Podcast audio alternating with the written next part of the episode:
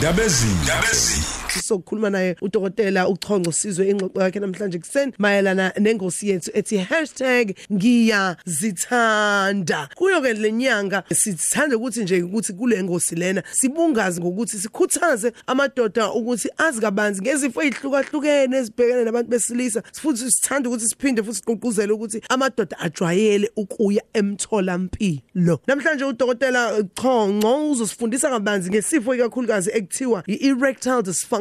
Inkinga yenduku engafuni ukuvuka. Sibingelele bonke abalali bokhozi igama uDr. Conco namhlanje ke siqhubeka nakho ukukhuluma ngezifo affect abantu besilisa. Sizokhuluma nge-erectile dysfunction okuyisifo ke nje esijwayeleke kakhulu kubantu besilisa. Ilapho khona umuntu wesilisa enenkinga yenduku engafuni ukuvuka noma engafuni ukuqina ngaso sonke isikhathi uma ngabe ezama ukuyimandakanya ocansini. Ziningi kakhulu-ke izinto ezenzekayo emzimbeni womuntu wesilisa ngaphambi kokuthi induku izivuke. Okufaka kakhulu umqondo imithambo yegazi kanye nama-hormones omuntu wesilisa. Zonke-ke lezi zinto ey'suke zenzeka ziqala emqondweni ngaphambi kokuthi ziye endukwini kodwa uma ngabe sekufike laphana endukwini into eyisebenze kakhulu imithambo yegazi. So omunye umuntu uma ngabe vele enezifo e-affecta imithambo yegazi noma e-affecta umqondo uyayibe nenkinga uma ngabe induku sekumele ivuke. Kodwa-ke zikhona ezinye izinto engaba imbangele ukuthi induku ingabe isafuna ukuvuka. Kodwa okujwayeleke kakhulu kuyaye kube ukuthi umuntu unalezi zifo lezi ey'hlasela imithambo yegazi noma kube umqondo. Lezi zifo engisho izifo ey'jwayelekile nakubona abantu besilisa into ey'njengo-b p ushukela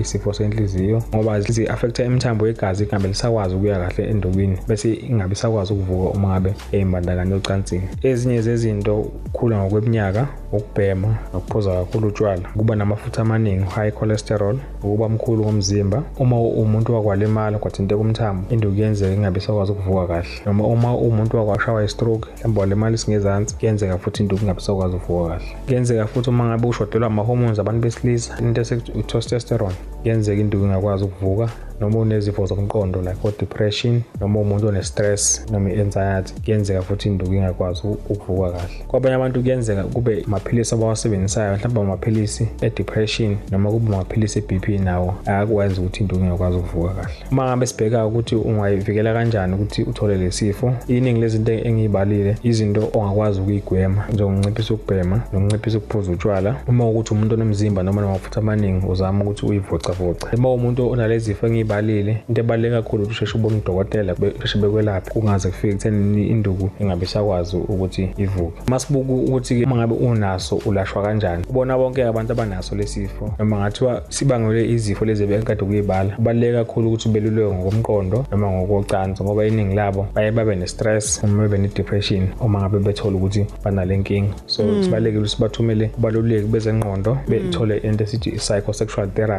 Ukuze bekwazi ukusizakala. Ukuvusa-ke induku kusetshenziswa kakhulu amaphilisi ngokuhlukana kwawo. Kuya ngokuthi-ke uthole maphi amaphilisi kodwa iningi lamaphilisi asetshenziswayo uyawaphuza nje ngaphambi kokuthi uyimbandakanye ocansini bese kuya ngokuthi-ke induku azoyimisa isikhathi esingakanani. Kwesinye isikhathi kuyenzeka kube o-four hours to six hours kuyenzeka amanye kube o-ten hours kuya ngokuthi uhlobo lona lamaphilisi kwesinye isikhathi uma ukuthi amaphilisi awakusebenzeli into ejwayele ukusetshenziswa imijovo le ejova khona endukwini izokwazi ukuvuswa ngaphambi kokuthi uye ocansini. Nakhona futhi uma ukuthi imijovo ayikusebenzeli khona futhi uhlobo lamaphilisi lelo olufakwa epayipini lelo kuchama lesi libiza ngokuthi i-urethra olufaka khona iphilisi ngaphambi kokuthi uye ocansini. Abantu abaningi-ke akuvamisile ukuthi bengasizakali ngale ma-options lawa abantu abalapheka ngawo. Ngangokuthi mhlambe kuze kudinge ukuthi beze benziwe i-surgery noma behlinzwe. Abantu abaningi amaphilisi lawa asuke benikezwa wona ayabasiza. Kodwa-ke uma ukuthi amaphilisi awakusizi nemijovo le ejova ngayo induku kanye namaphilisi lawa afakwa epayipini lokuchama ezinye izinto esibuka kuzona ukuthi ungasizakala ngazo gcine kwenziwe i-surgery.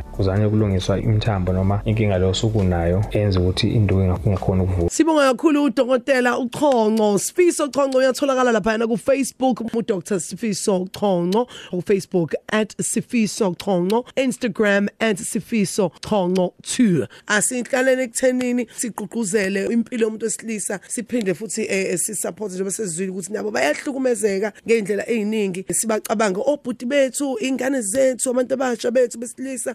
Omkhulu bethu sibanakekele obaba bethu omalume. Abefundisi bethu esisebenza nabo endaweni ehlukahlukene esiphila nabo emphakathini omakhelwane nabangani kanjalo njalo. Sihlala sicabanga lezi zinto ukuthi bangaba seyimweni ehlukahlukene eh ngezikhathi ezithile sibeseke noma ingayiphi indlela noma sibakhombe la bangathola khona usizo.